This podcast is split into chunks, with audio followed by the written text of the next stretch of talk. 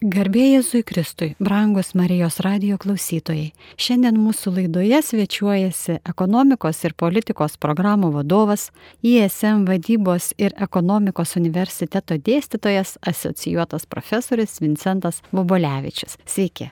Labadiena. Jį kalbinsiu aš, Marijos radio bendradarbė Violeta Gravrok. Ir šiandien kalbėsime pakankamai neįprasta tema mūsų radijui. Mes kalbėsime apie ekonomiką ir statistiką. Ir vienas iš jūsų dėstomų dalykų yra statistinė duomenų analizė. Ko gero turėtume pradėti nuo paprasčiausio klausimo, kas tai yra. Na, iš tiesų, aš dėstau statistinę duomenų analizę, kuri daugelį studentų kelia baimę, tačiau aš kaip visada sakau, kurso pradžioje tas dalykas nėra sunkus, jisai tik tai yra sudėtingas. O kad išmokti sudėtingą dalyką, nereikia būti dideliu genijumi, reikia tik tai kruopšiai dirbti. O atsakant jūsų klausimą, statistinė duomenų analizė yra matematikos šaka, kurios pagalba galima padaryti bent du gerus dalykus. Vienas dalykas yra pamatyti tam tikrus dėsningumus, tam tikras formos, kurios yra duomenyse ir be statistinės duomenų analizės yra sunkiai įžiūrimos. Elementarus pavyzdys būtų, kai aš pradedu dėstyti SD tada savo studentams, tai duodu namų darbams tokią užduotę. Eilutę skaičių, kurie yra surašyti amžiai, metais, kokio amžiaus buvo vairuotojas padaręs kelių eismo taisyklių pažeidimą. Na ir tenais 17, 20, 25, 47 ir taip toliau. Tų skaičių eilutė, jinai ilga ir toks kaip skaičių kratinys. Į ją pažvelgus, jokių formų, jokių dėsningumų nepamatysite. Tačiau užduotis yra paimti tuos vairuotojų amžius ir pakeisti juos iš eilutės į dažnį lentelę pirmame stulpelyje surašyti įmanomi vairuotojų amžiai, o kitame stulpelyje visiškai šalia parašyta keli vairuotojai papuola į tą amžių. Sakykime, keliams vairuotojams yra 17 metų, keliams yra 63. Ir iš karto žiūrint į lentelę, matai tam tikrą tiesningumą, kad pažeidimų skaičius jaunų vairuotojų tarpe yra žymiai didesnis negu vyresnių vairuotojų tarpe. Tai čia labai paprastas pavyzdys to, kad statistika pasitarnauja atskleisti duomenų desningumus, kurių šiaip plika akimi pamatęs skaičių kratinį nepamatytum.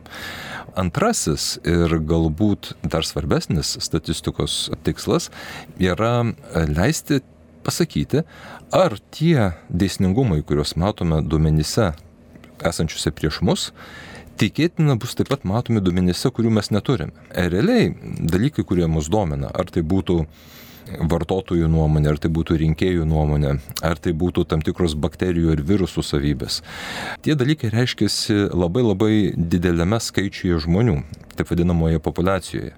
Ir apžvelgti visų rinkėjų, visų vartotojų, visų virusų, aš čia jokių būdų nelyginu žmonių su virusais, bet tik tai mintis, kad jų yra labai daug juos visus apžvelgti yra neįmanoma. Dėl to mes žiūrime į mažesnius kiekius duomenų, taip vadinamas imtis, ir mums kyla klausimas, ar tas dėsningumas, kurį mes matome žiūrėdami į imti, gali būti tikėtina matomas ir populiacijų, kurios mes niekada neapžiūrėsime. Realiai daugumos tyrimo atžvilgių tai yra pagrindinis tikslas. Mums netiek rūpi, kodėl balsuoja Marytė Onutė ir Antosėlė, bet mums rūpi, kodėl balsuoja vidutinio ir vyresnio amžiaus moteris.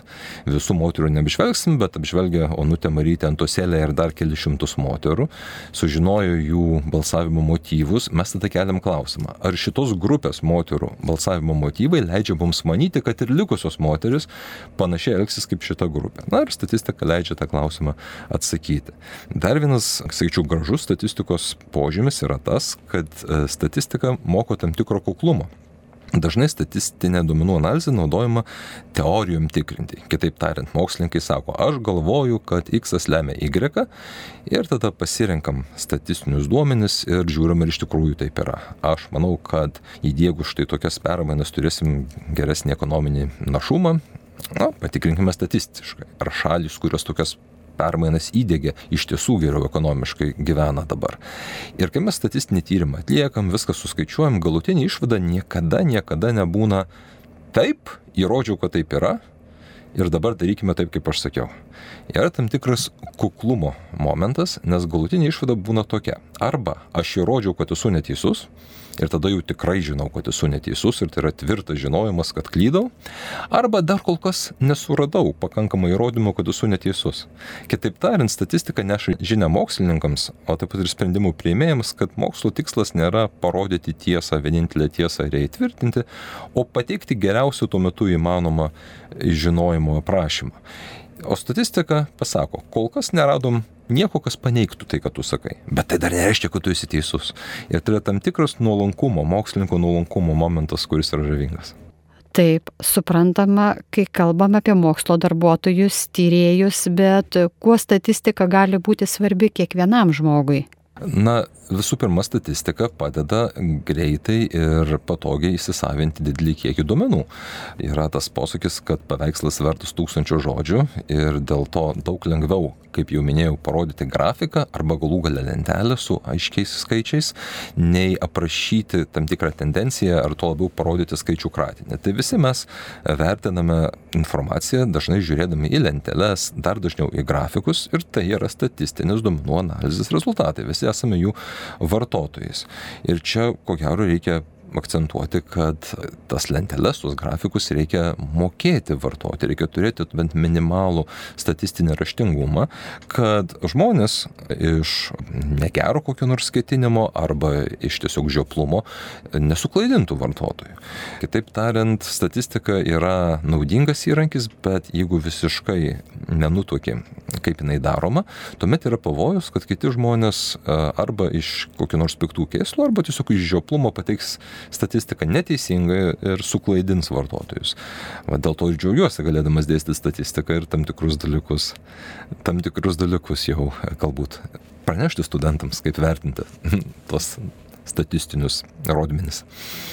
O tai kaip reikėtų skirti, kad ta statistika yra pritemta prie, prie tam tikro fakto? Uh, tai yra visa eilė būdų ir, ir, ir dalykų, kuriuos reikia žinoti. Aš gal galiu paminėti keletą.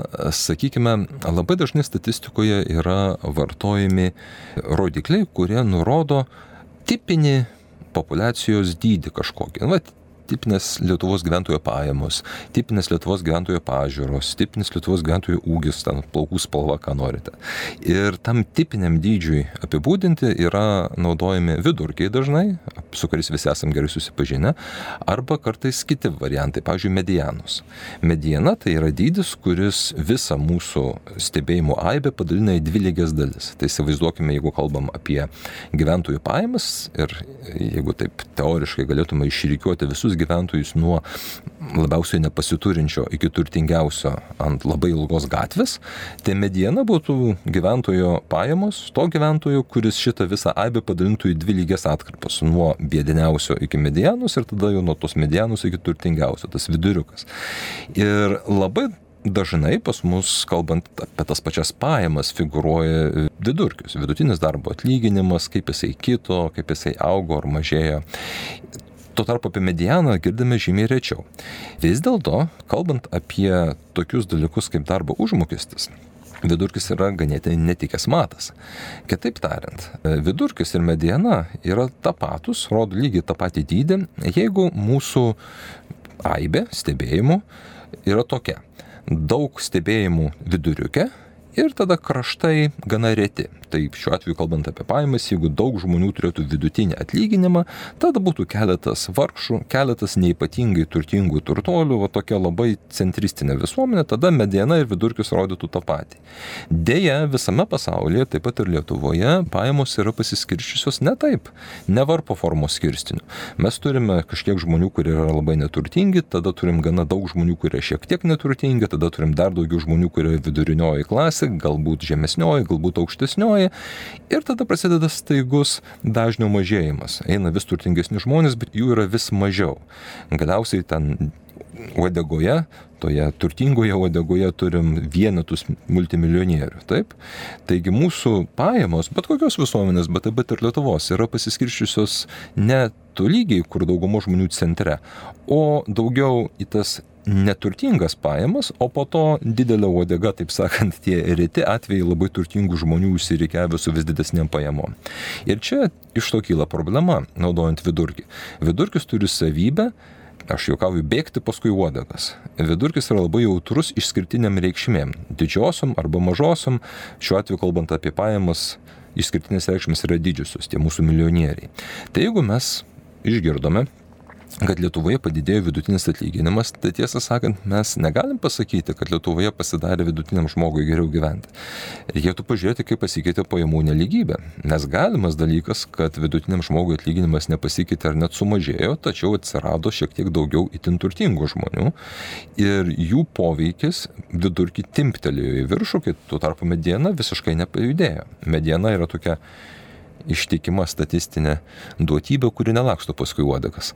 Taigi vidurkis nubėga link turtuolių, o mediena rodo tą tikrąjį vaizdą. Tai trumpai tariant, kalbant apie pajamas, reikia žiūrėti daugiau į medianą negu į vidurkį, skirtingai negu kad pas mus dažnai žiniasklaidoje yra akcentuojamos tos vidutinės pajamos. Tai va čia nu, vienas dalykas.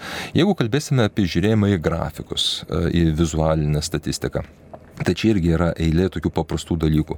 Visada pažiūrėkite, ar žmogus rodantis jums grafiką, kokią nors, sakykime, stulpelinę diagramą, kur ant X ašies yra pavaizduotus reikšmės, balsuoju už tą, balsuoju už aną, balsuoju už trečią, O ant Y ašies parodyti, sakykime, procentai, kiek ten žmonių pasirinktų pirmą variantą, kiek balsuotų už antrą variantą, kiek už trečią. Visada įsitikinkite, kad jums ta Y ašis yra rodoma nuo nulio. Tai yra, jinai nėra nukirsta kažkur tai ties viršutiniais skaičiais. Duosiu paprastą pavyzdį. Tarkime, variantą A pasirinktų 65 procentai, ar ne, o variantą B pasirinktų atitinkamai 35 procentai. Taip, susideda iki 100 procentų. Jeigu mes rodytume abu du stulpelius nuo nulio, na tai būtų viskas teisingai, būtų 65 procentų stulpelis ir trumpesnis 35 procentų stulpelis. Bet dabar įsivaizduokime, kad mums tą pačią informaciją pateikia, kur stulpeliai prasideda ne nuo nulio, o nuo kokių, sakykime, 30 procentų tas 65 procentų stulpelis vis dar bus vizualiai labai didelis. Na, liks 35 procentai 65, jeigu nuo 30 pradedam skaičiuoti. O tas trumpesnis stulpelis bus visiškai niekingas. Iš 35 liks tik tai 5 taškai. Ir vizualiai atrodys, kad pirmasis variantas visiškai triuškina antrąjį, nors iš tiesų taip nėra pirmasis pirmauja, bet jo pirmavimas nėra toks ryškus vizualiai, negu jisai klaidingai atrodo, pradedant skaičiuoti ne nuo 0, nuo 30. Na, tai tokie labai elementarūs dalykai. E, kitas dalykas, sakykime, jeigu rodoma kaita iš vieno periodo, iš vieno laikotarpio į kitą, labai svarbu yra turėti taip pat Y ašyje atskaitos taškus, nuo kokio taško judam prie kokio taško.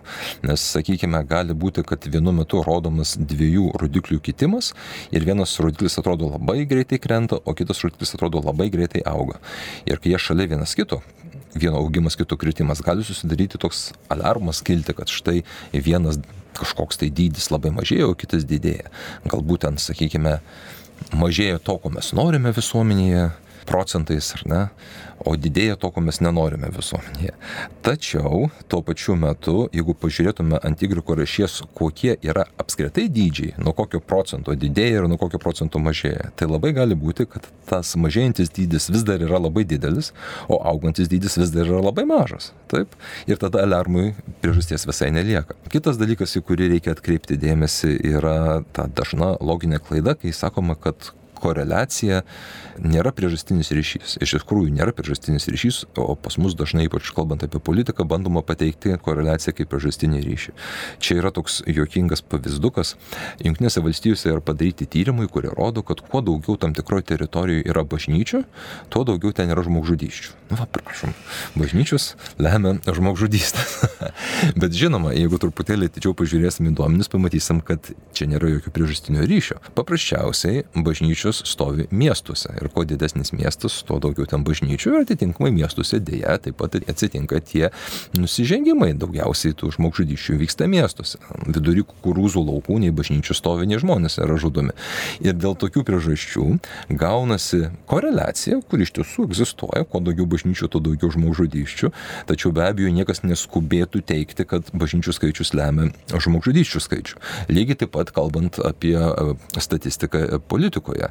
Jeigu sakoma, kad štai tokie ir tokie žmonės kalba taip kaip Putinas, vadinasi, jie yra arba Putino tiesioginiai agentai, arba bent jau kažkaip tai su juo kažką bendro turintis, prijaučiantis, slapta fantazuojantis. Na, tai čia panašiai kaip su tom bažnyčiom ir su žmogžudystėm. Ne, tie žmonės gali turėti visai kitus argumentus, visiškai kitas priežastis ir ta koreliacija gali būti paprasčiausiai susijusių su tuo, kad Putinas ciniškai išnaudoja tam tikras pozicijas, kuriomis pats netiki, nes akivaizdžiai jo politika nerodo nei meilės gyvybei, nei meilės šeimai, nei, nei nieko kito, ką jisai deklaruoja, jisai tas vertybės labai ciniškai išnaudoja.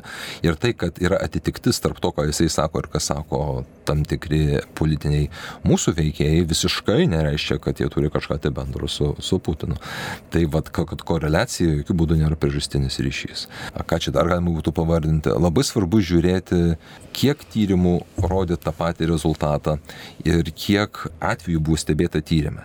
Jeigu turime tyrimą, kuriame buvo santykinai mažai atvejų stebėta, tai tas jų rezultatas nebūtinai yra patikimas tyrimas. Čia tokia dažnai būna anegdotinė statistika, o visi ten žmonės, kuriuos aš pažįstu, kažkom ten susirgo ar nesusirgo, pasiskėpijo ir nesirgo, pasiskėpijo ir susirgo. Tokie teiginiai, kurie remiasi į aibę, kuri vadinasi žmonės, kuriuos aš pažįstu, yra fundamentaliai nepatikimi, nemoksliški, tai yra maža aibė ir jais negalime pasitikėti. Tačiau netgi jeigu yra didesnė aibė, koks nors vienas tyrimas, kuris rodo kažkokį sensacinį įdomų rezultatą ir tenais daug žmonių apklaustų, daug žmonių pamatuota, nereikėtų skubėti ir ant vieno tyrimo pakabinti e, visos savo vilties arba viso savo pasibaisėjimo, reikėtų žiūrėti į eilė tyrimų. Būna tokie dalykai kaip meta tyrimai, kur apžvelgiami, nežinau, 20, 30, 50 tyrimų su visom jų stiprybėm ir silpnumais ir tada žiūrima ir yra dėsningumai tarp to, ką tie tyrimai parodė. Tokiu atveju mes jau galim labiau pasitikėti informaciją, kurią gauname. Tai čia panašiai kaip pasiklausti ne, ne vieno daktaro, ką jisai mano, 50 daktarų, tada būsi tikresnis, galvodamas apie tai, ką jie tau pasakė. Tai statistiniai tyrimai laikui bėgant kinta po tam tikro laiko galima gauti visai kitus rezultatus, ar ne? Taip, tai rezultatai gali kisti. Čia tyrimo tikslas yra dažniausiai patikrinti, ar kažkas su kažkuo susiję, ar kažkas kažką lemia, ar yra kažkokie tai galimi priežastiniai ryšiai. Ir gali būti, kad naudojant vieną statistinę metodologiją bus gautas vienas rezultatas, o po kurio laiko pritaikius pažangesnę, labiau rafinuotą metodologiją, apklausus daugiau žmonių galbūt, galėsim gauti kitokį rezultatą. Dėl to aš visada guodžiu savo studentus, kurie sako, vad nesugalvoju jokio įdomaus klausimų savo tyrimui, nagrinėjau klausimų, kurį jau šimtas autorių yra išnagrinėję. Kaip nuobodu? Sakau, tu nesijaudink, tu būsi šimtas pirmas ir tavo tyrimo rezultatai galbūt įsmeigs peilį į paširdžius tai teorijai, kurie jau šimtas vienas autorius tyrinėjo. Na kitaip tariant, netgi ir šimtas pirmas tyrimas gali būti pirmasis tyrimas, kuris pademonstruos, kad kažkas su ta teorija yra netvarkoj. Tai dėl to mes niekada ir nesakom, kad štai statistinis ar koks kitas tyrimas galutinai įrodė, kad yra taip, bet tai niekada nepakis. Visada gali būti atliktas dar vienas tyrimas su daugiau duomenų, su geresnė metodologija, su geresniais kontroliniais kintamaisiais, kurio rezultatai paneigs prieš tai labai dažnai patvirtintą rezultatą. O kokios yra e, tyrimų metodologijos? Kaip yra atliekami tyrimai?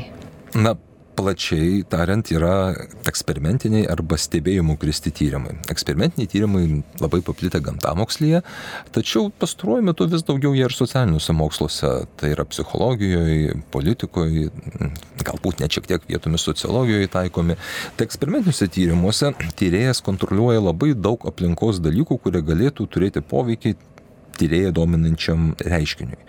Na, sakykime, jeigu mes norime ištirti, kaip tam tikras medikamentas atsiliepia kraujospūdžiui ir bandytume stebėti to medikamento poveikį realiame gyvenime, tai susidurtume su tuo faktu, kad žmonės vartojantis šį medikamentą gyvena labai skirtingose aplinkybėse. Vienas valgo daug druskos, kitas jos valgo mažai, vienas labai nervuojasi, kitas nesinervuoja ir taip toliau. Vienas iš prigimties sveikesnis, kitas netoks sveikas. Ir realiame pasaulyje, realiame gyvenime tyrėjas negali kontroliuoti, kiek ten žmogus druskų suvalgys ir kiek streso patirs. Ir dėl to yra labai daug, taip vadinamo, triukšmo stebėjimo tyrimuose. Jeigu tyrėjas turi galimybę atrinkti reprezentatyvią žmonių grupę, tai yra grupė, kur būtų ir jaunų, ir senų, ir vyrų, ir moterų, ir sveikesnių, ir mažiau sveikų. Ir jas stebėti laboratorijoje, tai brangiai kainuoja, žinoma, žmonės laboratorijoje kurį laiką laikyti ir tyrinėti. Tada būtų galima padalinus šią grupę, grubiai tariant, į dvi dalis.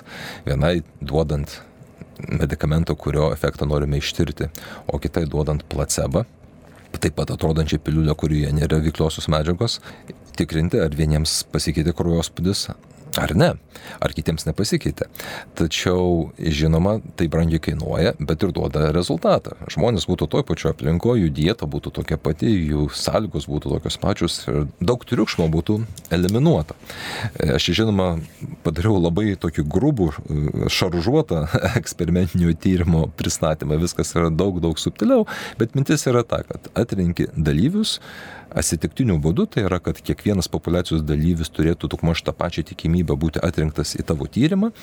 Tai yra, kad nebūtų taip, kad tyrimė bus vien tik moteris ir vien tik vyrai, ir vien tik jaunimas, ar vien tik seniorai. Turi būti kiekvienas populacijos narys turintis daugmaž vienodą šansą papulti. Tada dalini tyriamuosius, tarkime, į dvi grupės - kontrolinę ir testinę. Kontrolinė gauna placebą, testinė gauna tą priemonę, kurią tyri ir tada jau matuoji tų žmonių e, rodiklius, kurie tave domina, grubiai tariant. Tačiau daugelį atvejų negalima atlikti eksperimentinio tyrimo. Na, jeigu tave domina, tarkim, valstybių dinamika, kieno ekonomikos ten augo, kieno mažėja, tai valstybių laboratorijoje neuždarysi e, ir valstybėms ne, nesuteiksi ten vienokio ir kitokio dalyko. Tarkim, jeigu norim ištirti vertinti gamtinių išteklių poveikį ekonomikos augimui, nu, tai nepaimsi šalies be išteklių ir neduosi dabar naftos staiga.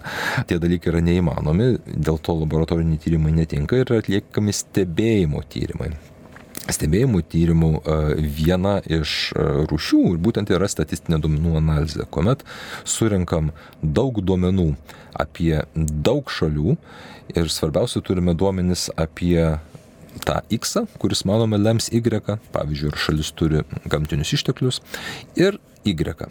Šiuo atveju šalies ekonominį augimą. Ir tada jau galime taikyti visą eilę statistinių priemonių, koreliaciją, regresiją, ką tik tai norite pažiūrėti, ar iš tikrųjų yra kažkoks ryšys tarp tų dviejų kintamųjų. Galbūt šalis, kuris turi gamtinius išteklius, gyvena geriau, greičiausiai gyvena blogiau. Yra ta teorija apie išteklių prakeiksmą. Šalis, kuris turi išteklius, dažniausiai turi ir despotus, kurie sėdė ant tų išteklių krūvos ir skurdina savo šalį. Na, Bet galima būtų ištirti statistiškai, turint daug duomenų, ar iš tikrųjų taip yra. Jeigu mes negalim pasiekti daug duomenų, mums tiesiog neprieinamas didelis duomenų kiekis, tai tada mes galim daryti atveju analizės arba kontrofaktinės analizės, bet čia jau ne statistikos, čia jau istorikų, sociologų, antropologų metodologijos. Ar galima pasitikėti statistiką tomis apklausomis, ar, ar jos visada yra patikimos? kaip sakoma, yra melas, yra bjaurus melas, yra statistika. Arba kaip Barots Vinsonas Čerčilis sakė, pasitikiu tik tai tą statistiką, kurią suklastojau. Trumpai tariant, statistiką pasitikėti galima, jeigu turime bazinius statistikos vertinimo kriterijus. Jeigu žinom, kada tinka mediena, kada tinka vidurkis, jeigu žinom, kad stulpeliai grafike turi startuoti nuo nulio. Jeigu žinom, kad visi grafikai privalo turėti Y ašį, kurioje būtų parodytas priklausomas kintamasis ir X ašį, kurioje būtų parodytas nepriklausomas kintamasis. Jeigu tokius dalykus žinome, e, tai tada galime pasitikėti. Nors kartais matai, kad mokslininkai žinodami tuos dalykus labai keistai elgesi. Turiu omenyje situaciją, kai kartais yra politikų reitingų skaičiavimai padaromi ir ten tie reitingai pajuda ten kažkiek tai taškelių į vieną ar į kitą pusę.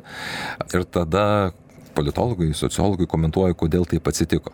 Bet kai pasižiūri, kiek jie pajudėjo, tai galbūt jie pajudėjo paklaidos ribose ir apskritai nežinia dar, ar jie pajudėjo. Ir ką aš turiu omeny, tai sakydamas, kuomet mes turim e, tyrimų rezultatus ir lyginam juos su buvusiais rezultatais, tai mes darom prielaidą, kad tarp buvusių ir esamų rezultatų įvyko kažkoks tai įvykis, dėl kurio galbūt pasikeitė partijų populiarumas. Bet ar iš tiesų tas įvykis buvo toksai stiprus, kad pasikeitė visų gyventojų galvose partijos populiarumas, mes nežinome. Mes turim tik tai mažą grupelę žmonių, ta grupelė žmonių rodo, kad šiek tiek pasikeitė partijos populiarumas ir dabar kyla klausimas, ar iš to, ką mes matome mūsų grupelėje respondentų, galima teikti, kad iš tiesų Lietuvos Respublikoje tam tikra partija gavo ar prarado pasitikėjimo taškų. Na ir grubiai sakyti klausimą galima taip. Jeigu grupelėje pokytis labai labai ryškus, tai tada tikėtina, kad ir visoje Respublikoje bus pasikeitęs partijos populiarumas. Jeigu grupelėje pokytis yra nežymos, tai tikėtina, kad tos pokytis galėjo atsirasti dėl aibės įvairiausių dalykų. Gal tiesiog atrenkant grupelę netyčia papuolė truputėlį daugiau šitos partijos gerbėjų ar nekentėjų. Galbūt klausimas buvo suformuoluotas šiek tiek kitaip, jeigu skirtingos įmonės darė apklausą, pavyzdžiui. Ir dėl to nedidelis pokytis partijos reitinge gali paprasčiausiai reikšti matavimo paklaidą, o ne kažkokį esminį pokytį. Tačiau kiek aš esu girdėjęs žurnalistų prašant politologų, politologų pakomentuoti, kodėl pasikeitė reitingai, aš labai retai, galbūt net niekada nesu girdėjęs politologų sakant, kad na čia nėra ką komentuoti, čia toks mažas pokytis, kad nežinia kodėl, galbūt matavimo paklaida. Visi labai greitai randa kažkokią priežastį, kažkokį įvykį ir pakabinant to įvykio tariamą e, rinkėjų nuomonės pokytį. Ir šito vietu tikrai nereikėtų skubėti, nes na, taip sukūriamas netikras naratyvas, nieko nepagristas. Tai kuo, kuo didesnis tas pokytis, tuo labiausiai tikėtinas. Kita technika, jeigu stebite tuos reitingus per ilgesnį laiką, tai skaičiuoti kelių reitingų vidurkius, nes kelios firmos daro reitingus, skiriasi šiek tiek jų metodologijos, kiekviena firma darydama savo apklausą tam tikrą mėnesį turi šiokią tokią riziką, kad bus paklaida dėl imties, dėl kokiu nors kitų techninių aspektų. Ir kai tu paimi vidurkį per visas turimas firmas, tada matai kažką tai tikslesnio. Tai žmonėm, kas tais dalykais domisi, labai rekomenduočiau žiūrėti ne į vieno kokio nors tyrimo rezultato, o į visų įmanomų tyrimų mėnesinius vidurkius. Jie truputėlį duoda smėgesnį rezultatą. Kitas vat, įdomus momentas, kaip apklausos kartais gali netgi vaidinti lemiamą vaidmenį politikoje, tai sprendimas, kurį taikė tiek praėjusiais, tiek užpraeitais rinkimais vyriausių rinkimų komisija į tam tikrus LRT filmuojamus, transliuojamus partijų lyderių debatus pasikviesti partijas, kurios vat, papuola aukščiau ir žemiau tam tikros gyventojų palaikymo kartelės. Tai tarkime, į pirmosius debatus, kurie rodomi tuo geruoju laiku ir į kuriuos susirenka didžiųjų partijų lyderiai, gali dar papulti keletas smulkesnių partijų, jeigu jos bus laikomos pakankamai gerai kuteruojamomis. Įsivaizduokite, kokį poveikį rinkimų baigčiai gali turėti dalyvavimas pagrindiniam debate su pagrindiniais didžiųjų partijų lyderiais, kur tu mažos partijos atstovas, būdamas iškalbus, gali gerai pasirodyti, tenais nušlostyti nosį ar dar kažką tai savo savo rinkėjus sužavėti. Mažesniųjų partijų debatai neturi tokio didelio poveikio.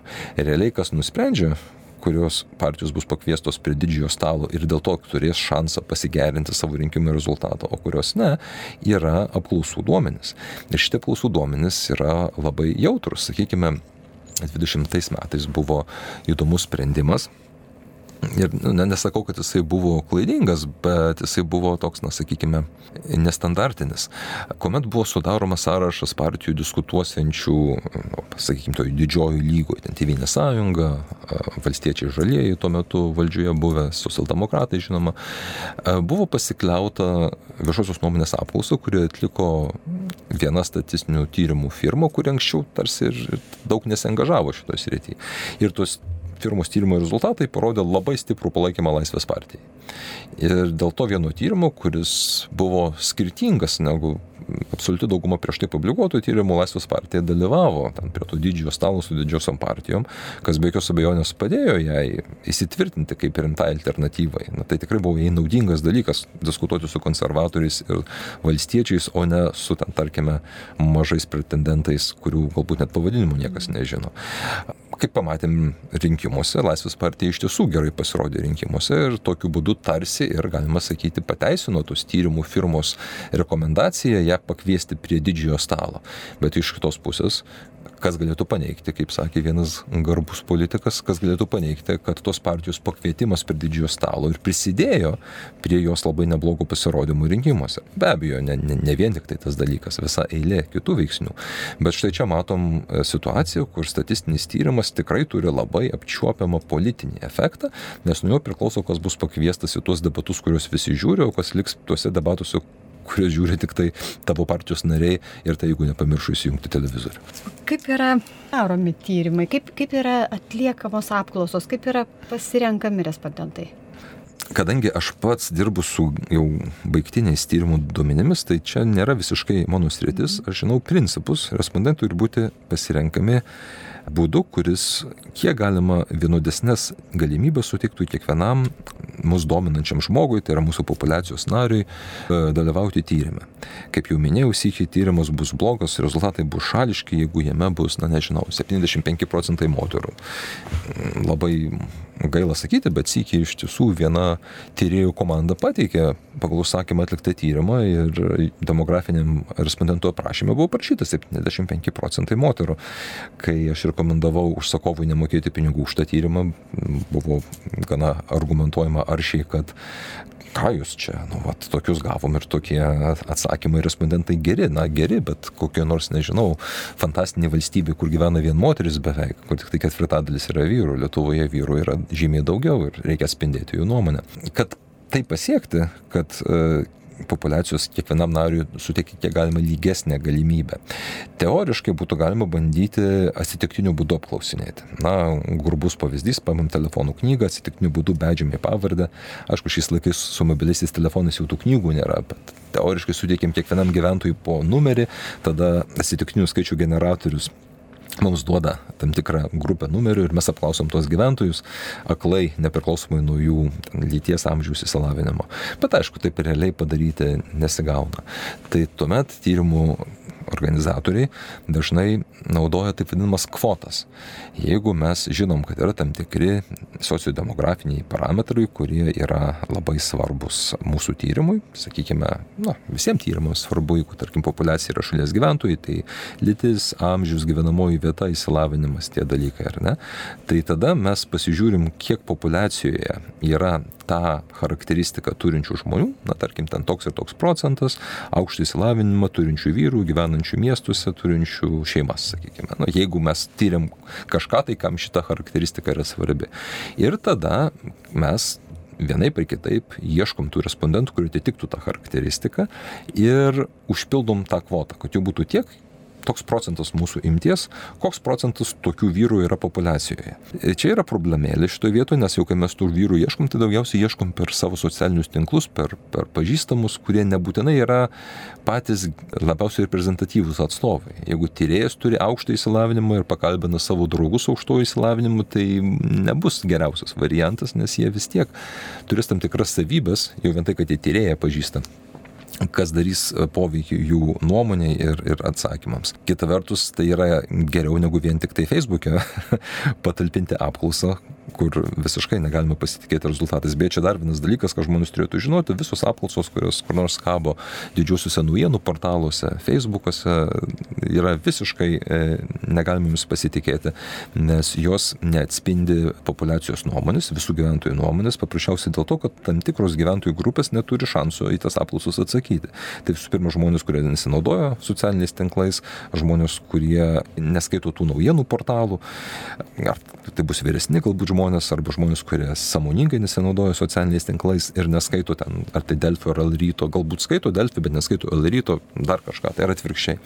Taigi nepasieksite visų žmonių, o ir tuos, kuriuos pasieksite, iš jų išsiskirs tam tikrą grupę tokių keistų žmonių, aš jaukauju, jie nėra keisti, bet jie pasižymė to, kad jie mėgsta atsakinėti internetinės apklausas.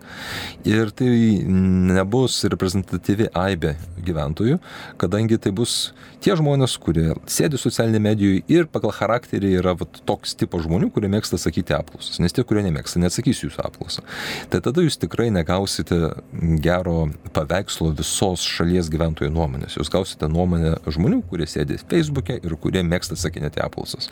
Na, nu, jeigu jūs domina tokie žmonės, tai gal nieko, bet realiai, realiai tai nieko nepasako apie tikrąją nuomonę.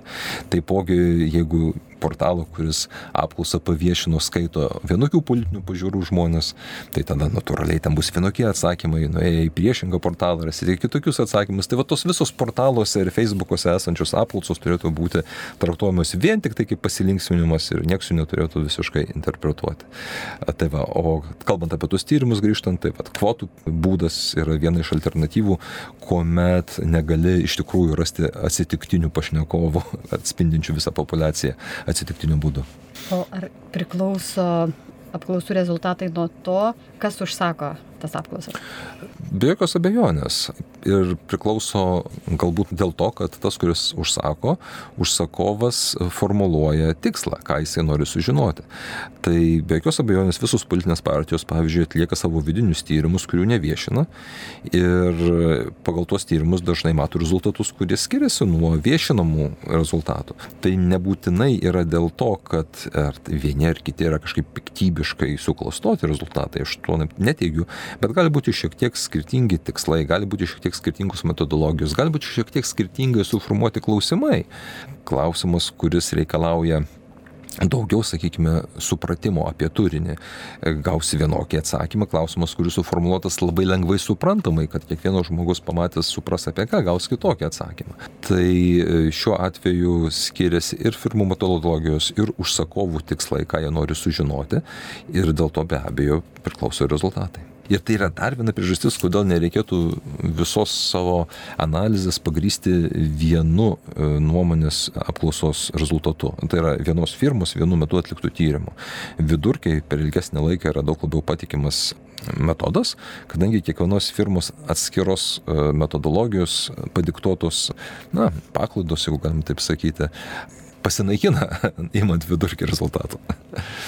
Tai galim suprasti, kad jeigu suformuluoti klausimai ar ne yra tam tikra tvarka arba pateikti, tai žmonės gali atsakyti taip, kaip pavyzdžiui užsakovas tikisi, ar ne? Be jokios abejonės. Tai na, elementarus dalykas, sakykime, jeigu turim klausimą, nu va dabar Seime komitete svarstomas civilinės sąjungos įstatymas. Tai žinai, jeigu tu paklaustum gyventojų, ar jūs pritartumėt civilinės sąjungos įstatymui, tai čia būtų vienas klausimas. Kitas klausimas būtų, ar jūs pritartumėt civilinės sąjungos įstatymui, kuris yra tapatus partnerystė, arba tiesiog ar pritartumėt partnerystėje, sakykime, tos pačios lėties asmenų, tai būtų kitas klausimas. Ir tada trečias klausimas būtų, ar reikėtų įteisinti, neminant įstatymų, įteisinti tos pačios lyties santykius, o dar ketvirtas klausimas, ar reikėtų įteisinti tos pačios lyties šeimas, pavyzdžiui. Ne? Na ir kiekvieną klausimą mes gautume visiškai skirtingus atsakymus, nes pirmojo atveju būtų labai neaišku, daugeliu žmonių bent jau buvo neaišku iš pradžių, kas tas civilinės sąjungos įstatymas yra, nu, konceptas yra, su partnerystė yra aiškiau, kad tai yra tas pats, kas civilinės sąjungos įstatymas, o tada jau jeigu ne į patį faktinį apibrėžimą, ne, ne, ne teisinį terminą, kaip tokį kaip tos pačios lyties asmenų santykių įteisinimas, arba dar panaudoji žodį šeima, tada iš, išauksi dar kitokią reakciją. Tai priklausom nuo to, kaip formuluoji klausimą, tokį atsakymą ir tikėtina labiau į vieną pusę ir į kitą pusę gausi. Galbūt dar ką nors turėtumėt papasakoti mūsų klausytojams, kas būtų aktualu šiam laikmečiu ir šiom dienom, kas susijęs su mūsų tema? Na tai ko gero visuomet yra aktualu į statistiką žiūrėti truputėlį atsargiai, bet e, ne su baime, o pasidomint, kaip ją interpretuoti. Yra puikių resursų internete, galima tiesiog pasirašyti, kad ir tu pačioj Google paieškoje, e, žinoma, dauguma resursų anglų kalba, kokios yra pagrindinės klaidos naudojant statistiką viešojoje erdvėje. Ir ten tų klaidų visas katalogas yra, nuo vidurkio naudojimo vietoj medianos, apie kurį jau kalbėjau, iki grafikų formos, iki ko tik tai ne. Ir su tais dalykais susipažinus, tada galima daug drąsiau žiūrėti į bet kokius skaičius. Kaip jau minėjau, žiūrėti ne į vieną kokį skaičių, o į skaičių vidurkį. Jeigu yra apklausos, jeigu yra kelios vidurkinti jas. Turėtų omenyje, kad apklausų rezultatai natūraliai priklauso nuo metodologijos, kurios firma taikė, nuo užsakovo intereso ir panašiai. Ir tokiu atveju gauti tikslesnį vaizdą apie tai, ką tie duomenys rodo. Tai gal dar kažką palinkėtumėt Marijos radio klausytojams, kažką godžiančio, vilties teikiančio? Na tai pirmiausia, nebijoti statistikos. Antra, jeigu šitas studijuoti universitete, tai pasirinkti mano kursą ISM vadybos ir ekonomikos universitete, kur aš jums daugiau ir detaliau papasakosiu apie statistikos naudojimus. Tikėti, kad vis tiek viskas bus gerai. Tiem bus Dievo gerai. viskas išeina Taip, gerai. Sidėjus nubiskum ky kontranos. Tai e, šiandien mūsų laidoje dalyvavo ekonomikos ir politikos programų vadovas, ISM vadybos ir ekonomikos universiteto dėstytojas, asocijuotas profesorius Vincentas Bobolevičius. E, Jį kalbinau aš Marijos radio bendradarbė Violeta Gravrok. Sudėv. Sudė.